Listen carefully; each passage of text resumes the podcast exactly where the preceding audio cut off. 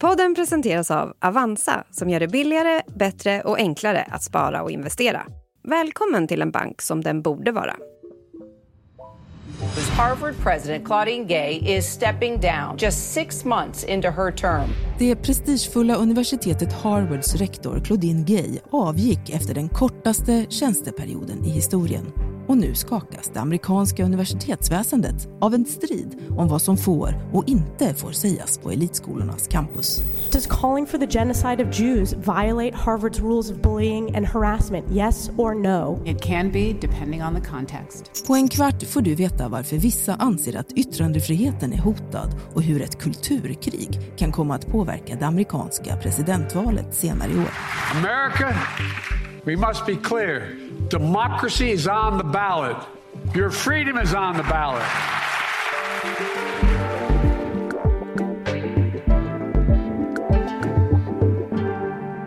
Det är den 11 januari. Det här är Dagens Story från Svenska Dagbladet med mig, Erika Treijs.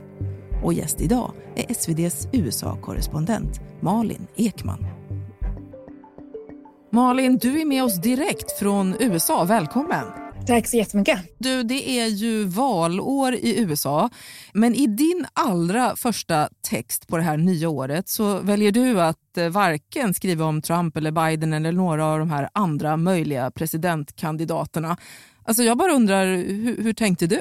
Precis, jag gjorde till och med en disclaimer om det i, i den här eh, texten. Men det handlar ju om att allting krokar i varandra. Alltså det vi ska prata om, det handlar inte om någonting smalt som utspelar sig på Ivy League-universiteten utan någonting mycket större som verkligen genomsyrar hela den politiska debatten och därför är den viktig att förstå och skriva om. Just det. Ja, vi ska förstås gräva vidare i Harvard-rektorn Claudine Gays fall för att hon fick ju sparken efter bara sex månader på posten. Vad var det egentligen som hände Malin? Det började kan man säga efter 7 oktober där 34 studentföreningar på Harvard skyllde Hamas attack på Israel och kallade den för helt och hållet Israels ansvar. More than 30 student groups on campus sparked outrage after releasing a letter that said the Israeli regime is quote entirely responsible for all unfolding violence. Och det som många till att börja med reagerade på då var att ledningen för Harvard misslyckades med att ta avstånd från det här och visa var man själv stod i frågan.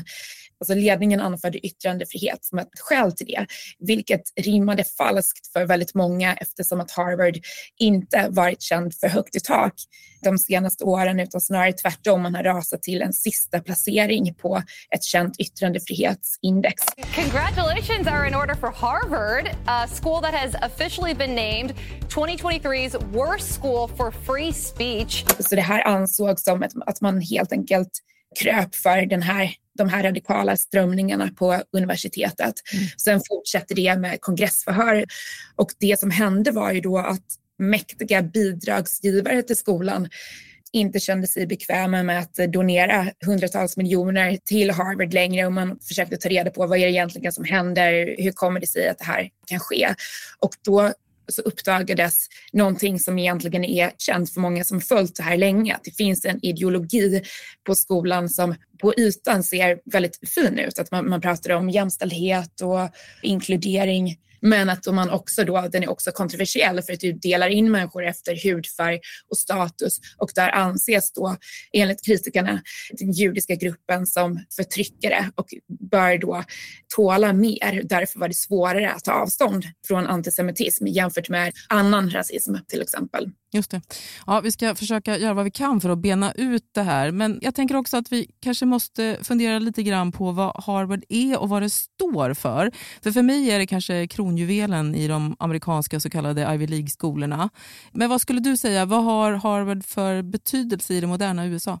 Med jättestor betydelse om ni tittar på dels på näringslivet, på politiken, på liksom de högsta befattningarna i massa olika branscher. Det är även skådespelare, alla möjliga, alltså väldigt många framstående människor i det amerikanska och globala samhället har en Ivy League-utbildning.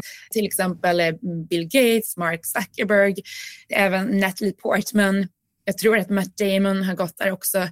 Det författare, skådespelare, forskare, presidenter. Obama har gått där, Bush gick på Yale. Det har varit i varje fall en inträdesbiljett till finrummen. Och att det då finns fördelar som kopplas till att ha gått på de här finaste skolorna, det är kanske självklart när man talar då om nätverk och statusmarkörer och biljetter till maktens finrum och liknande. Men har, ser du några risker med det här utifrån det resonemang som du nu har fört?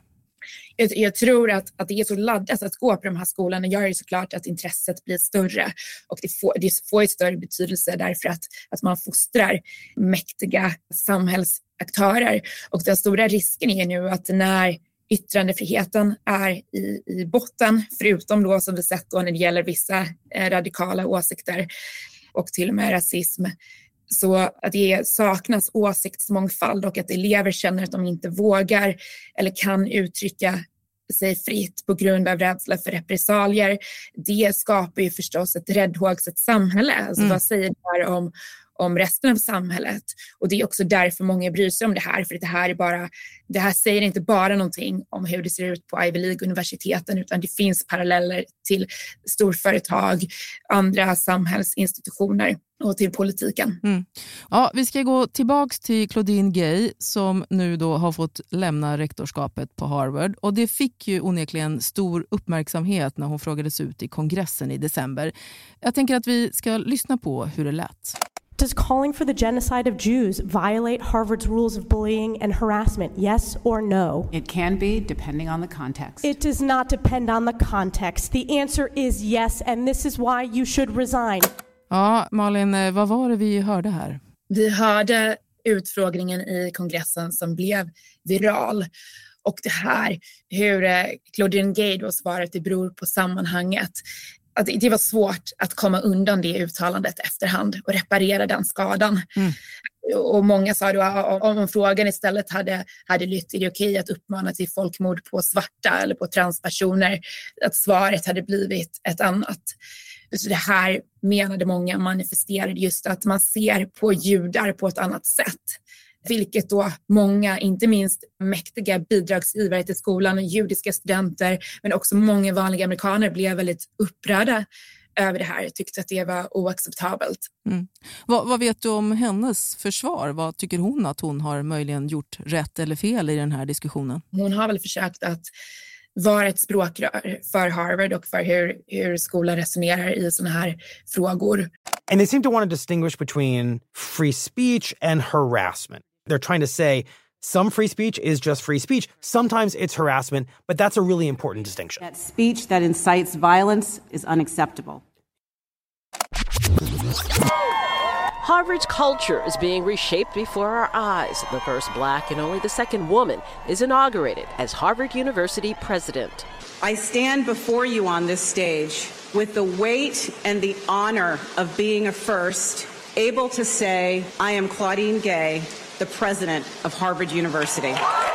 Och de facto att hon var den första eh, svarta kvinnan på posten, eh, hade det någon betydelse i den här diskussionen eller debatten? Det har spelat roll i debatten där å ena sidan så finns det de som menar att det säger någonting att den första svarta rektorn var den som tjänstgjorde kortast tid och tvingades avgå. Å andra sidan så finns det de som hävdar att att hon blev rektor hade att göra med att hon uppfyllde ett mångfaldsmål och att hon hade en tunn resumé jämfört med med många andra akademiker på den typen eh, av poster. Och det var symboliskt väldigt viktigt för skolan att ha sin första svarta rektor. Så det finns olika sätt att se på det. Och hon har själv då beskrivit att hon fått rasistiska mejl i samband med den här skandalen och att, att det fanns rasistiska undertoner i debatten.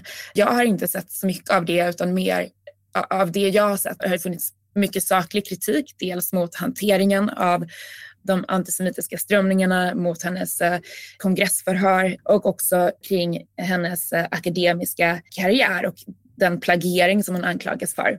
Ja, just det. Och, det, och plagiering, det får du utveckla lite. Precis. Det som hände då var ju att när hon inte avgick självmant och fortfarande hade ledningens stöd eller styrelsens stöd efter sin hantering av alltså antisemitismen, då började konservativa aktivister gräva i hennes akademiska meriter och fann då många fall av eh, plagiat, plagiering. Just det. det eldade på den här skandalen och blev det som fick bägaren att, att rinna över. Mm. Och det är inte bara Gay som missat att sätta ut citattecken och så i, i eh, akademiska uppsatser och i sitt arbete, utan det är ju många som, som gör, så hon är inte unik i det. Men det som var eh, alltså en viktig, ett viktigt argument i det här var att hon hade gjort sig skyldig till plagiat som studenter religerats för. Och det såg inte bra ut. Just det. Och att debatten har blivit ett slags slagträ i det som kallas för ett kulturkrig mellan en mer konservativ och progressiv syn på kulturella värden, det kanske är tydligt. Men vem är det egentligen som tjänar på det här skulle du säga? Rent politiskt, är det Demokraterna eller Republikanerna? Jag tror att det amerikanska samhället är så polariserat att står du på den ena sidan så ser du inte den andra sidans argument. Så att olika amerikaner skulle nog svara olika på den frågan.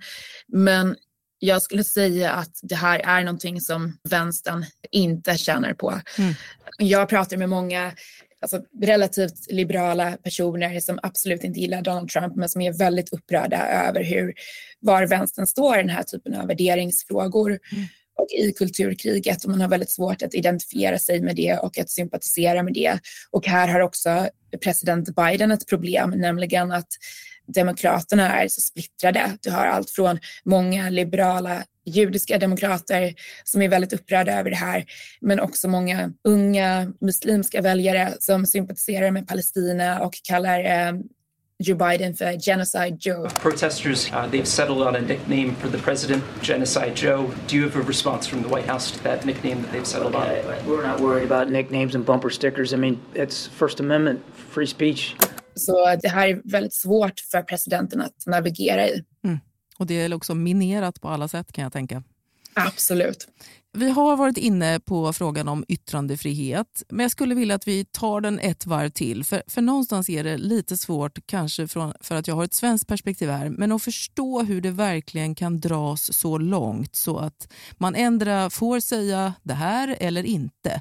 Hur kommer det sig att inte yttrandefrihet helt enkelt gör att man faktiskt får säga vad man vill? Här menar man ju att det övergår i eh, hot och hat och till och med uppmaning till folkmord på en, en specifik eh, grupp. Men det som människor upprörs över är inte argumentet om yttrandefrihet, utan det handlar om att man ser på yttrandefrihet olika beroende på vilken grupp det gäller. Det är det som, det är, det som är kärnan i det här. Alltså vem får uttala sig om vad? Det är det det här handlar om. Mm. Men eh, har arbetet om mångfald och jämlikhet och inkludering, och, har, har det helt enkelt eh, gått för långt? Många menar ju det. Det här, det här är någonting som jag har skrivit om mycket de senaste åren och eh, som jag även skriver om in, i min bok Skymning i Amerika. Att det inbakat i den här så kallade antirasismen finns rasism att du egentligen gör precis samma sak som rasister gör. Du delar in människor utifrån deras etnicitet och ger dem olika status utifrån den, bedömer huruvida de är förtryckare eller förtryckta. Och det finns lite utrymme för nyanser i det här. Och det här menar många är ett exempel på när det här slagit fel. Mm. Ja, eh, den här amerikanska kulturdebatten den verkar även ha spilt över på Sverige. Ser du några likheter?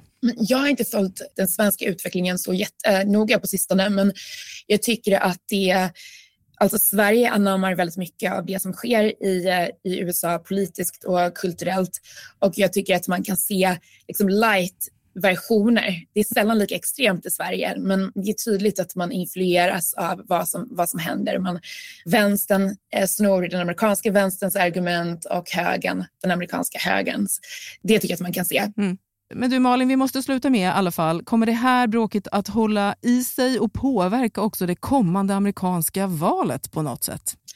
Det tror jag absolut att det kommer. Det är inte säkert att just den här storyn på Harvard kommer att hålla i sig jättelänge, eller just Claudine Gay-storyn, men jag tror att Harvard har absolut luppen på sig och jag tror att den här typen av frågor kommer att fortsätta vara viktiga under valrörelsen och jag tror att konservativa politiker kommer att hålla, hålla i den nu under primärvalet och illustrera vad man, var man själv står med de här, det som man menar är en absurd utveckling. Mm. Ja, tack Malin för din medverkan och jag hoppas och tror och kanske till och med vet att vi kommer att få höra mer och läsa mer av dig under det här valåret. Så att ja, du, vi hörs igen då. Ja, kul. Tack. Tack ska du ha. Producent idag var Daniel Sävström, redaktör Stina Fischer och jag heter Erika Treijs. Vill ni kontakta oss? Mejla på dagensstory.svd.se.